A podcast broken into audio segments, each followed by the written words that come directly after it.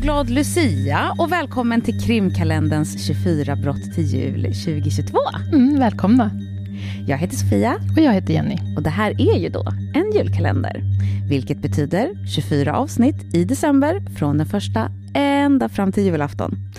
Och Instagramkontot Krimkalendern tycker vi absolut att ni ska följa, för där lägger vi upp bilder som har med alla fall att göra. Mm. Och ni får gärna stötta oss genom att registrera er på vår Patreon-sida, där vi heter Krimkalendern. Då får du ett bonusavsnitt per månad, de månader vi inte gör ordinarie avsnitt. Och blir du medlem nu så finns det 19 avsnitt som ligger och väntar. Precis. Och idag är det Lucia. Lussekatter och eh, lite glögg kanske här på morgonen. Eller julmust kanske. Ja, beroende på. Vi, ja. Och Jenny, jag ser så mycket fram emot att se om du har hittat något så Lucia-inspirerat fall att berätta för mig idag. Det har jag faktiskt. Det här blir svårare och svårare för varje år. Det har vi pratat om. Speciellt Lucia, för vi brukar göra det, att Lucia och julafton. Ja. För i och med att det ena är ett jämnt datum och det andra är ett ojämnt datum, så blir det ju eh, på varsin person, i och med att vi kör varannan gång. Precis. Och eh, det är ju lite lättare att hitta julrelaterade grejer än eh, Det är lättare, men jag tycker ofta att de är så hemska. Och man vill inte gärna avsluta kalendern med något så fruktansvärt som jag gjorde första året. Det har du rätt i. Ehm, dels det, och dels så känns det som att väldigt, väldigt många redan är gjorda av andra Ja. podcasts. Och det är ju vår grej också lite så här att mm, nej, vi vill hitta någonting som ingen någonsin har hört. Försöka i alla fall. Nåja, men idag är det Lucia. Take it away. Och får vi se om någon har hört talas om det här förut. Ja, spännande. Det, risken finns. Risken finns faktiskt. Lågorna stod höga. Det såg nästan ut som att de slickade himlen. Det var stjärnklart, men ett svart moln av sot dolde den vackra natthimlen från de åskådare som samlats runt om för att titta på dramat. Förutom eldens brakande var det nästan helt tyst. Värmen var intensiv trots den isande kalla kvällsluften. Snart fanns det inget kvar av honom. Allt hade brunnit bort utom skelettet. Bara kvällen innan hade han skickat ett meddelande på Twitter. Jag har det bra här. Men nu var allt över. Klockan var 23.56. Det var natten till Lucia 2012. Hmm. Och för att förstå vad som har hänt och varför behöver vi ta oss en bra bit tillbaka i tiden. Närmare bestämt 56 år. Oj. Skandinaviens största stol. För att inte tala om världens största längdskidor. Edsbyn. Ja, vi får se. Och nu detta. Att säga att Stig var stolt var bara förnamnet. Han tittade på sin skapelse. Helt magnifik. Det var den första december 1966 och den 10 meter höga, 7 meter långa och 3 ton tunga halmbocken baxades på plats ut på Slottsbergs torg i Gävle. Det var den 39-årige reklammakaren Stig Gavlén som hade fått i uppdrag av Gävle kommun att skapa en symbol för julfirandet i staden. Han fick rätt fria händer och kom på idén att bygga en gigantisk halmbock och ställa den i centrala Gävle under julmånaden. Varför ändra på ett vinnande koncept? Stig gillade att tänka stort. Och just det här med bocken, att den skulle vara så stor, det var alltså något av Stigs liksom, passion. Mm. Han hade prövat samma sak flera gånger tidigare i olika sammanhang. Det var alltså han som kunde ta åt sig äran för att ha tagit fram världens största skidor och Skandinaviens största stol. Inga små bedrifter. Var finns Skandinaviens största stol? Nu vill jag, vill jag veta. Ingen aning och det har jag faktiskt inte googlat på. Skidorna vet jag inte heller. Dålig research på det här stället. Jag vet inte ens hur stor den är och hur långa skidorna är. Nej, men det var därför jag sa Edsbyn nämligen. Men det är ju inte sant. Uh, världens största pinnstol, inga lillstuvning. Uh, världens största pinnstol. Skandinaviens största. Skidorna är världens största. Världens största stol restes under eftermiddagen på gamla Ikea-varuhusets parkering i Bulltofta. Mhm. Världens. Jaha, men det, kan, för det här var ju då innan 1966 ju. Det här var ju innan julbocken som han fick rekordet. Så det har ju säkert innan slagits sedan dess. 1966. Ja, Ja, då vet jag inte. så det har säkert slagits flera eh, gånger. Jag... Anledningen till att jag sa Edsbyn Mm. är för att där finns en jättestor stol och jättestora skidor. Gör det? Men ja, titta här bilden. Oj, titta! Och där har jag varit, så det kände jag igen. Det där kanske är han som Världens största pinnstol i Edsbyn. Lyckan är total. Den är enorm. Möbler från Edsbyn. Jag är lite nöjd att jag visste det. De har en jättestor vad heter det, bandy, bandyklubb också. Det, det känner jag igen. Inte känner till, jag känner igen det när du säger Mm. Men tänk om det var han som gjorde dem där. Det, Ja, jag vet ju inte när det där byggdes, för att det här är ju som sagt några år sedan då. Förlåt, fortsätt. Jätte, har absolut ingenting med någonting att göra. Men skelettet som brann nu, det kanske är en bock då snarare Ja, än en person, ja, tänker jag. vem vet? Jag vet inte om en bock har Twitter dock, men fortsätt, fortsätt, fortsätt. Stig hoppades på att det här skulle bli en ny uppskattad tradition. Eller en gammal tradition i ny tappning. Det gamla bestod såklart i den traditionella julbocken. Och det nyskapande, moderna bestod förstås i den enorma storleken. Och kanske, kanske skulle halmgeten sätta Gävle på kartan. Stig brann för bocken. Den hade potential att både fylla hans plånbok och hans och Gävlebornas hjärtan.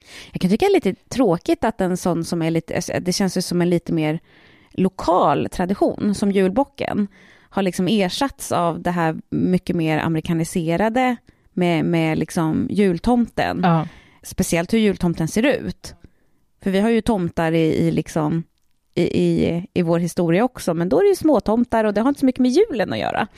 Så jag kan tycka att det är lite tråkigt. Mm. Men jag minns att min, min mamma berättade att de hade, så här, att de hade en julbock eh, hemma. Men att min storebror när han var liten var så rädd för den.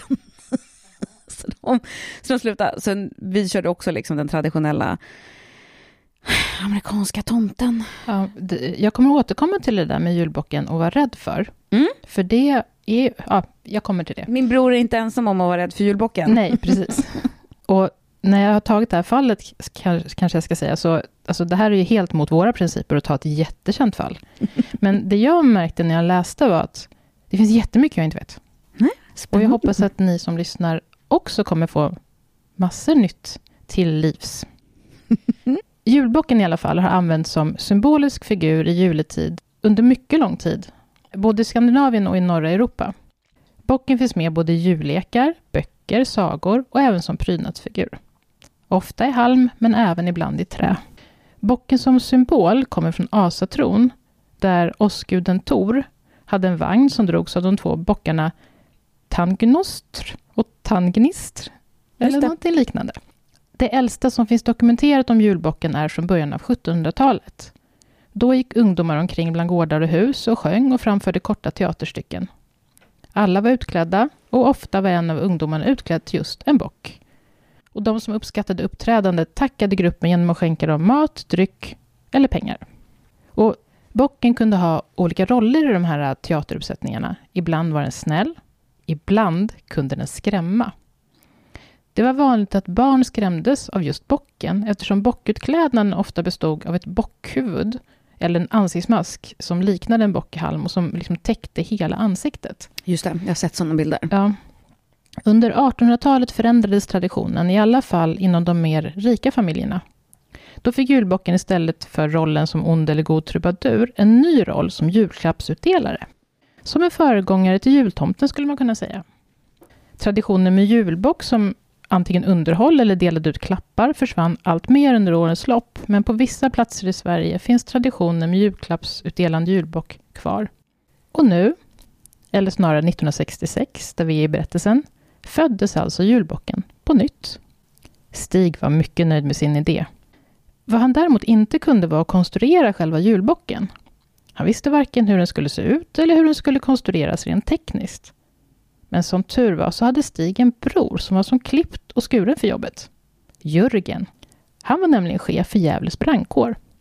En man vid namn Harry Ström bekostade julbocken ur sin egen ficka.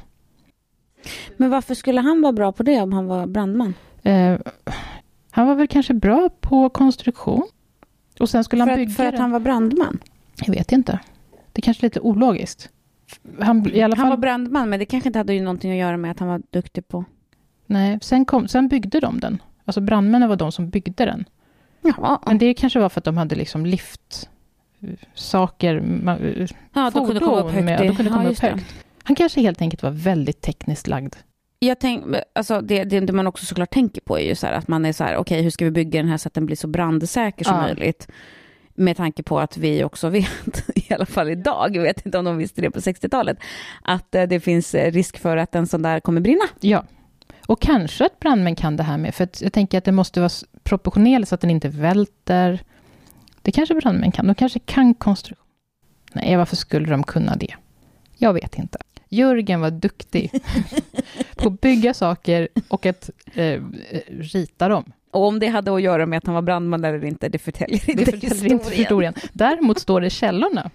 Att det står så? Ja, ja okej, men då kanske det finns någon där. Nu kommer vi få massa meddelanden om det här. Sveriges brandmän, hör av er. Ja, snälla. Det var i alla fall en man vid Harry Ström som bekostade julbocken ur egen ficka. 10 000 kronor gick den på, vilket i dagens penningvärde motsvarar drygt 100 000 svenska kronor. Men Harry har menat på efteråt att han inte alls bara bekostat bocken. Nej, det var faktiskt han som kommit på själva idén. Allt Stig hade stått för var själva utförandet menade Harry på och det var dessutom Jörgen som hade gjort det mesta. Det finns även en tredje person som sa sig vara inblandad i kreerandet av Gävles nya tradition. Det var Inga Ivarsson, en kvinna som var lite löst bekant med Harry Ström via sin man. De hamnade på samma hälsohem under en semester på Tallmogården i Dalarna och de började prata om att Gävle kommun gärna ville att staden skulle få en riktigt fin symbol. Och då var det tydligen ingen som kläckte idén om den gigantiska bocken. Och det här har Harry bekräftat på äldre dagar, Harry Ström som först tog på sig äran. Att bocken alltså var Ingas förtjänst. Jaha. Eh, och det här har de då... Olika bud alltså? Ja, och de har ju kommit fram då, Harry och Inga, efter att, eh, att bocken blev en succé. Ja, det är klart att de kom på det efteråt. Mm. Dock fanns det fler folk på Stig och Jörgens sida som hävdade att det mestadels var Stig som faktiskt skulle få äran. Och Stig är alltjämt den som räknas som Gävlebockens skapare. Mm. Men hur det än var med den saken så stod bocken där i all sin prakt den 1 december 1966. Julbocken blev en succé bland Gävleborna direkt. Men lyckan blev kortvarig. Den sista december började bocken brinna. Den brann och brann tills det inte var någonting kvar av den. Förövaren hittades och dömdes för grov skadegörelse. Och som jag sa, det här är ju ett väldigt känt fall. Eller egentligen många fall i ett. De flesta svenskar känner nog till det, även om i alla fall jag då inte hade någon djupare koll. Men när man tänker på bocken så tänker man oftast på alla gånger den har brunnit. Yeah. Men det är inte alltid just den har brunnit. Nej. Ibland har den utsatts för annat än just brand. Men här kommer i alla fall den fortsatta berättelsen om julbockens uppväxt och liv. Och död då ibland. De två åren som följde på det första, 1967 och 1968, fick den stå kvar orörd. Det innebar att man kunde återanvända samma stomme fram till 1969. Och det minskade såklart kostnaderna ordentligt. Och vad som också minskade kostnaderna var att de här bockarna gjordes något mindre, en meter lägre och en halv meter kortare. 1969 verkade Gävles kommunledning tycka att bocken var succé nog för att det skulle vara värt att de stod för notan. Och de som tog på sig att projektleda själva bygget var sammanslutningen Söders köpmän, som på något sätt var kopplade till kommunen. De här åren var det fortfarande brandkåren som byggde bocken. Men just det året när kommunen gick in och sponsrade 1969 så var det dags igen. Bocken brann ner på nyårsnatten klockan 00.00. Gärningspersonen hittades aldrig. Men då hade bocken i alla fall fått pryda Slottstorget under hela december. Värre var det året efter, 1970, då bocken sattes i brand natten efter invigningen. Den här gången hittade man gärningspersonerna, två unga män som dömdes för mordbrand. Oj. Ja. Eh, Vilket... Ja, jag vet inte. För det var, först var det ju skadegörelse. Mm. Men i och med att bocken brann ner redan den 1 december hade man tid att bygga upp den igen. Den här gången inte halm utan i vass. Och jag vet inte vad det berodde på, om det var för att de inte fick tag på halm, eller om vass innehåller mer fukt, att de tänkte att den brinner sämre. Mm. Jag har ingen aning du. Det är en, eh, det är en okvalificerad gissning från min Mm. sida. Mm. Men vem och vad var den här bocken då? För än så länge hade man inte lärt känna dess personlighet riktigt. Den öppnade inte upp sitt inre riktigt förrän på 2000-talet. Men rent fysiskt, och det kommer jag förresten komma tillbaka till, men rent fysiskt bestod och består fortfarande bocken av en stomme av trä. Stommen kläs med handknutna mattor av halm, eller som 1970 då, av vass. Till 1966 års bock gick det åt 20 kubikmeter halm, 1 kilometer trävirke, 20 meter järn, 3000 spikar och en halv kilometer bindgarn. Men tillbaka till 1970. Söders köpmän tröttnade rätt snabbt. De hade inte lust att ha hand om ett projekt som brann ner titt som tätt. De avsade sig uppdraget. Efter ett år då bara? Ja. Ja. Mm. Istället tog Vasaskolans naturvetenskapliga förening över 1971. Men de kändes inte redo att ta på sig ansvaret för ett så stort bygge. Trots allt skulle de hinna med skolarbete också. Bocken var tvungen att krympas lite. Så istället för att bygga en drygt 10 meter hög bock drog Vasaskolan ner ambitionerna lite och byggde en bock som var en och en halv meter hög istället. Förlåt att jag skrattar. Det hade jag ingen aning om. Det Oj, låter det var jätteliten. Den är som jag. Jag är en och en halv meter Ja, lång. det är som du. Det är som att du skulle stå på torget igen. Den här bocken brändes inte upp det här året, men den råkade ut för någon typ av ospecificerat sabotage, vad det nu var. Bocken två år senare stals. Mannen som tog den lilla bocken tog hem den och typ hade den på sin bakgård. Men han åkte fast och dömdes till två års fängelse för grov stöld. Oj! Oj! Ja. År 1976 säger källorna olika saker om vad som hände bocken. Vissa källor säger att det var ett gäng ungdomar som var lite extra kreativa när det gällde att ge sig på bocken. Den är alltså fortfarande liten. Mm. Att tända på var för småbarn, amatörer kanske de tänkte. De mejade istället ner bocken med sina raggarbilar. Jaha! Andra källor säger att det var en Volvo Amazon med en student vid ratten som körde in i bockens bakben så att den gick sönder och bocken liksom tippade framåt. Men jag tänkte först att det här kanske var samma historia. För jag Mm. menar, en student kan ju faktiskt vara raggare också. Mm. Och en Volvo Amazon kan vara en raggarbil. Det kan det inte alls. Nej, Det är amerikanska det bilar har jag googlat mig fram Mm. till, det visste inte jag. inte en gammal Amazon, nej. Nej. Eh, Så det här är då två lite olika historier. Mm. Men den välte i alla fall och gick sönder. Men jag gillar att så här, studenten är inte så specificerad, men bilen däremot är. Mm. Precis. Och 1985 var det dags att bygga den hittills största bocken. 12,5 meter hög. Den nya bocken fick en liten annan figur än dess föregångare, med en lite längre, mer elegant hals. Bocken var faktiskt så stor att den hamnade i Guinness rekordbok som världens största halmbock. Det var Söders köpmän som hade slickat såren från de första årens fadäser och bestämt sig för att ge sig in i matchen igen. De hjälpte till med finansieringen och Vasaskolan stod för projektledningen. För fram tills dess då så hade Vasaskolan kört med den här lilla. Just det. Historien hade ju tydligt visat att bocken levde farligt, så den här gången skulle Söders köpmän vidta ordentliga åtgärder. De satte upp ett två meter högt metallstaket runt bocken. Dessutom anlitades både Securitas och soldater från I14 till att vakta bocken. Oj, soldater. Ja. Mm. Trots alla säkerhetsåtgärder brann bocken i slutet av december. Söders köpmän kände den här gången då, trots den nedbrunna bocken, stor tillförsikt. De bestämde att det var dags att ta över inte bara finansieringen utan även projektledningen för bygget. Och eftersom Söders köpmän stod för pengarna, då hade Vasaskolan liksom ingenting att sätta emot. Så de Mm. vart Mm. ja, uteslutna. Men de var inte glada. Vasaskolan bestämde sig för att fortsätta att bygga en julbock, även om deras budget inte tillät en bock i rekordstorlek. Istället återgick de till att bygga sin lilla bock. Så från 1986 så finns det alltså två bockar. Mhm. En stor och en liten. Alltså nu när du säger det så har jag ju nog sett det på bilder, att det är två. Ja. Men det är inte som att jag visste historien bakom det, att det blev så här äh, rivaliserande bockar liksom. Nej, inte jag heller. Jag minns inte ens om jag sett några sådana bilder innan. Jo, nej, men det ringer en liten klocka, eller så hittar jag bara på. Och ni som, ni som lyssnar kommer förstås få bilder på Alma i Instagram. Gävle bara, tråkigt avsnitt. Ja, jag kan allt detta. förlåt till er i Gävle. Ni får njuta av våra äh, väna stämmor bara. Två år senare, 1987, slog Gävlebocken sitt eget rekord i Guinness rekordbok. Den här gången hade den vuxit och blivit hela 12,93 meter hög. Bocken både impregnerades och dränktes med vatten det året, men det hjälpte inte. Den brann ändå. Året efter, 1988, så hade Gävleborna och alla andra också för den delen en chans att förbättra sin ekonomi genom att betta på om bocken skulle brinna eller inte. För det var nämligen det var en engelsk vadslagningsbyrå som öppnade möjligheterna för att gissa om bocken skulle brinna och i så fall när. Det här året brann den inte och om någon bettat på det och blivit rik förtäljer inte historien. Året efter, 1989, så brann bocken innan den ens var klar. Men den kunde återuppbyggas och fick stå orörd under hela december.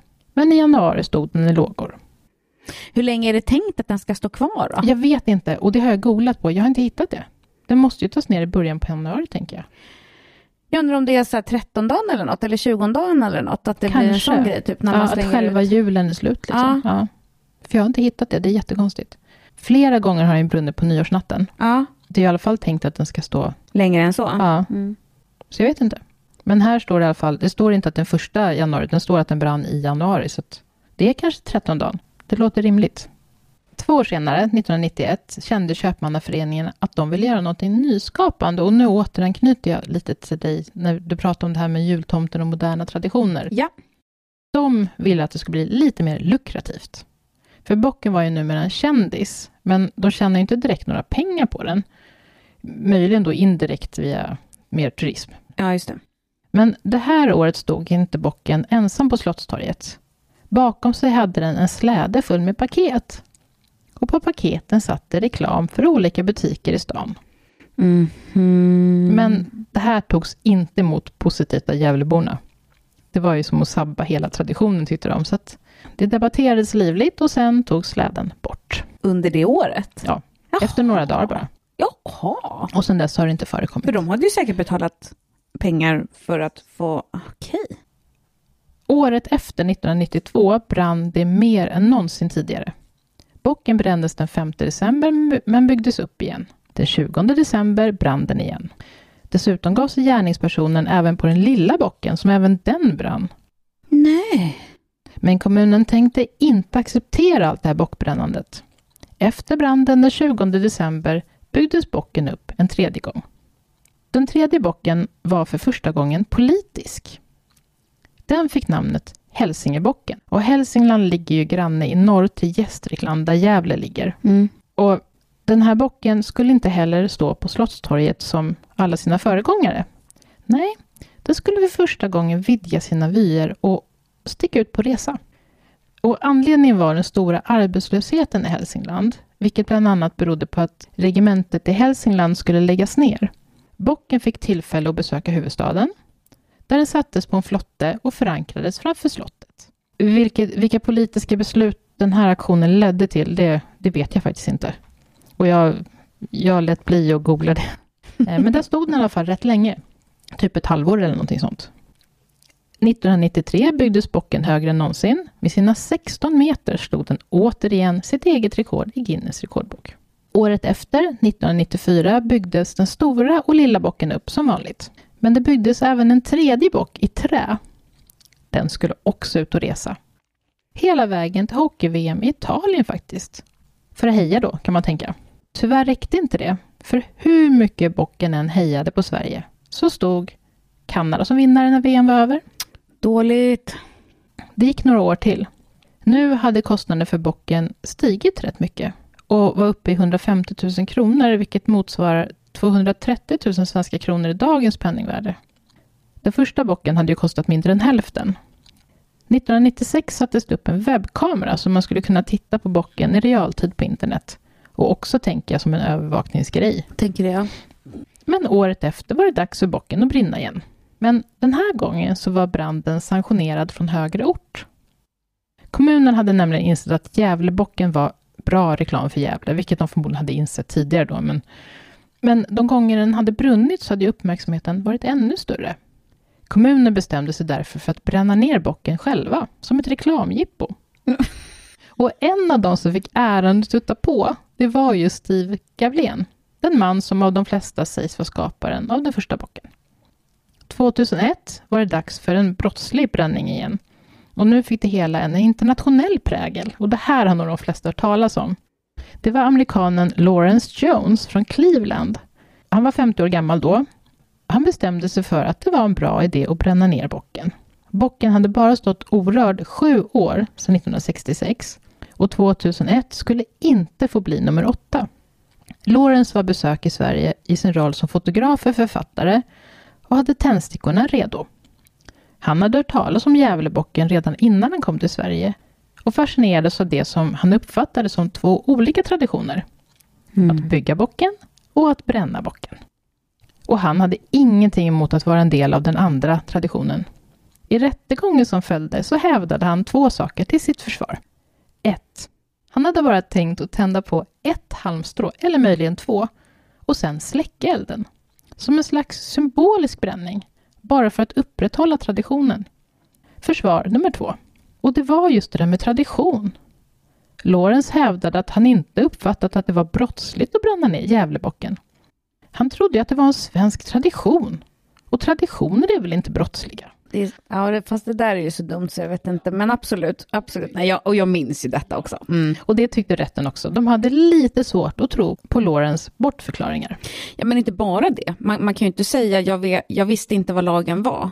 Därför kan jag inte dömas, utan det är ju ens skyldighet att veta om liksom, vad som gäller. Så att, ja. Han försökte väl allt han kunde, tänker jag. kan så vara. Alltså, men men alltså, om jag säger så här, jag tror inte på det, Nej. men oavsett om det var sant eller inte så ska så man ju dömas. Man, ja, absolut. Lorenz dömdes till en månad i fängelse, men fick det tillgodoräknat mot tiden han hade suttit häktad.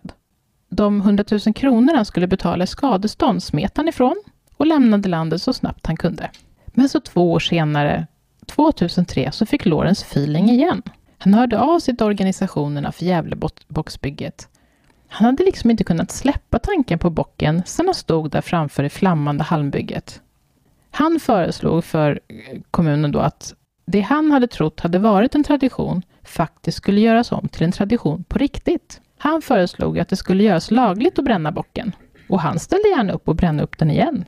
Svaret han fick av kommunen var nej tack. År 2004 blev Gävle kommuns hemsida hackad. Meddelandet Burn bockjävel lades in på hemsidan. Alltså, nej! alltså brinn bockjävel. Och ja, det gjordes den, det året. Oklart om de två hörde ihop, liksom, att det ja, var ja, de som ja. hackade. Som, ja. Men det stod ju på hemsidan. ja, precis. Det är mitt försvar. Året efter, 2005, brändes bocken upp den 3 december av två gärningspersoner.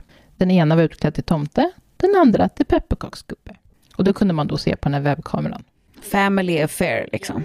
Och jag ska också kanske tillägga att i somras så var jag i Gävle på ja. studieresa, så jag har sett torget men inte bocken.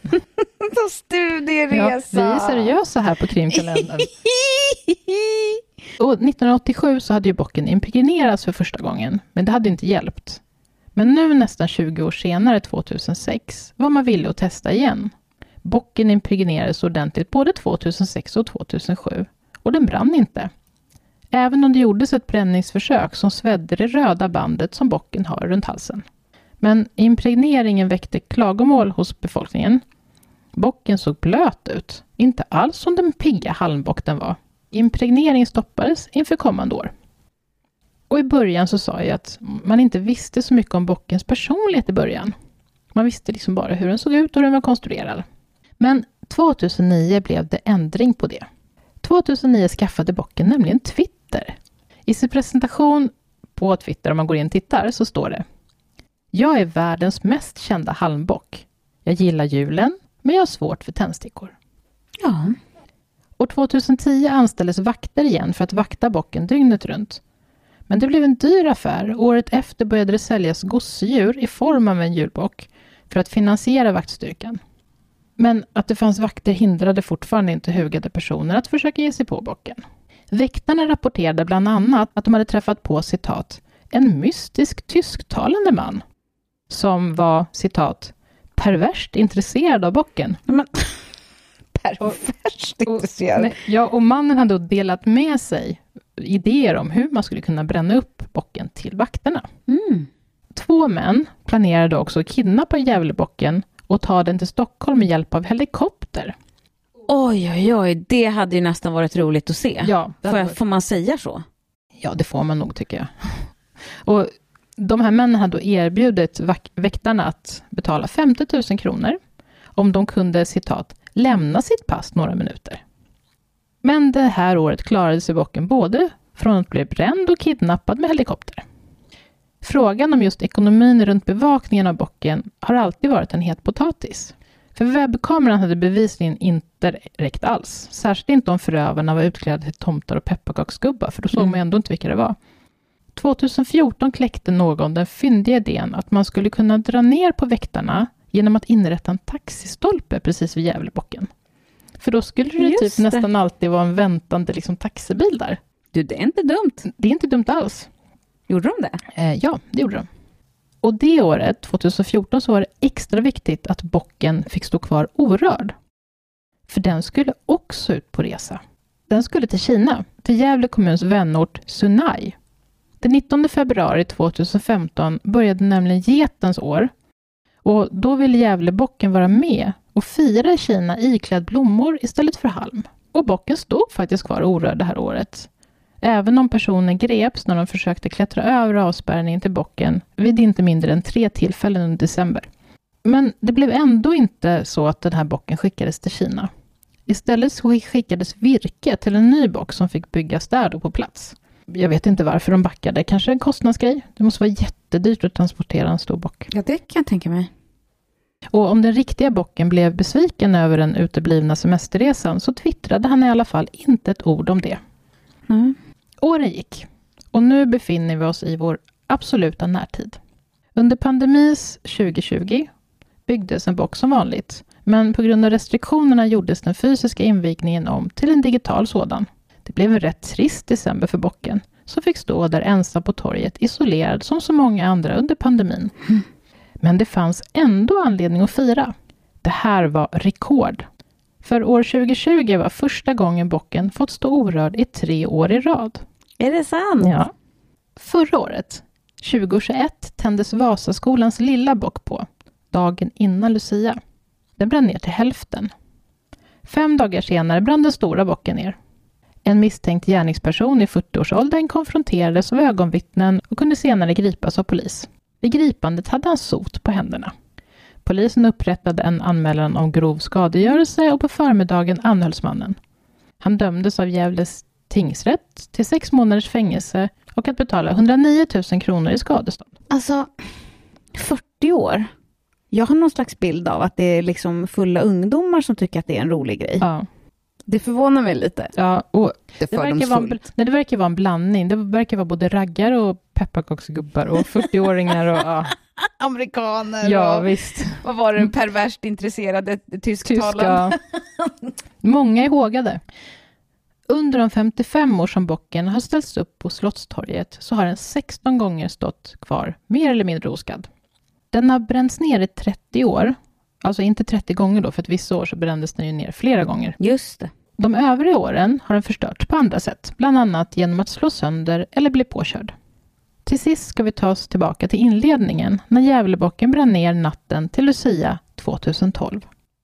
På natten till Lucia 2012 så twittrade alltså bocken “Jag har det bra här”. Bara några timmar senare var den totalt nedbrunnen. Processen gick så snabbt att det var över på några minuter. Räddningstjänsten fick larmet 23.56 och de hann inte komma till platsen innan det var över. Mm. Hela förloppet gick att följa via webbkameran som fortfarande sitter uppsatt. Ingen person greps för dådet. Tidigt på Lucia-morgonen efter dådet, 2012, twittrade bocken, som då tydligen hade överlevt i anden i alla fall, citat. Sista timmen är slagen. Jag är ledsen över att behöva lämna er nu. Tack mina vänner för i år. Jag önskar er alla en god jul och ett gott nytt år. Numera bjuder Gävle in Gävlebor och andra hugade till en riktig bockbyggarfest i mitten av oktober. Här kommer lite information från Gävle kommuns hemsida för er som kanske känner er manade inför nästa år. Ta chansen och knyt några av de 12 000 knutar som behövs för att skapa årets Gävlebock.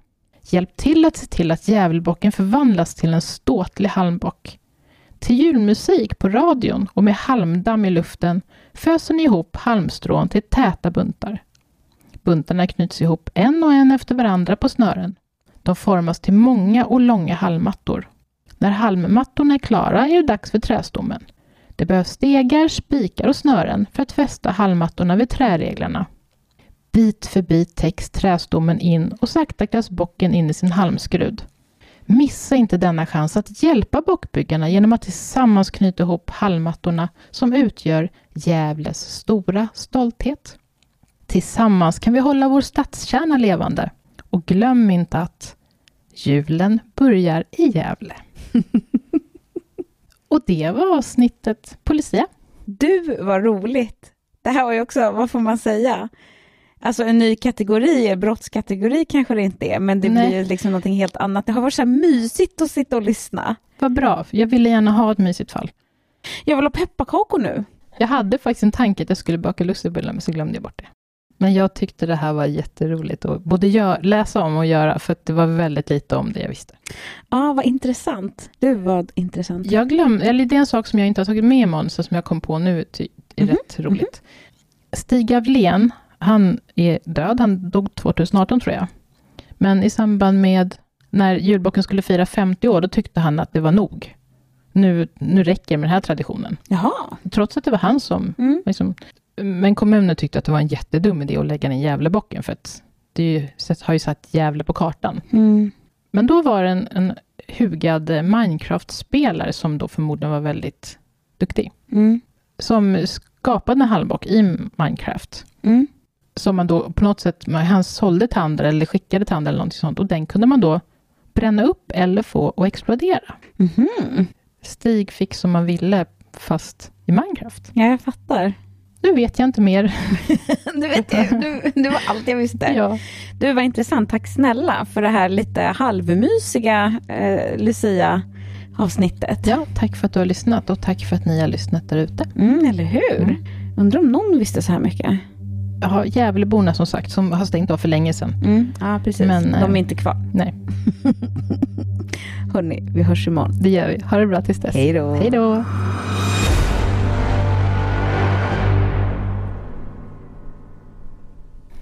Det kanske brandmän kan. De kanske kan konstruera... Nej, varför skulle de kunna det? Det är en, eh, det är en okvalificerad gissning från min sida. Mm. Sveriges brandmän, hör av er.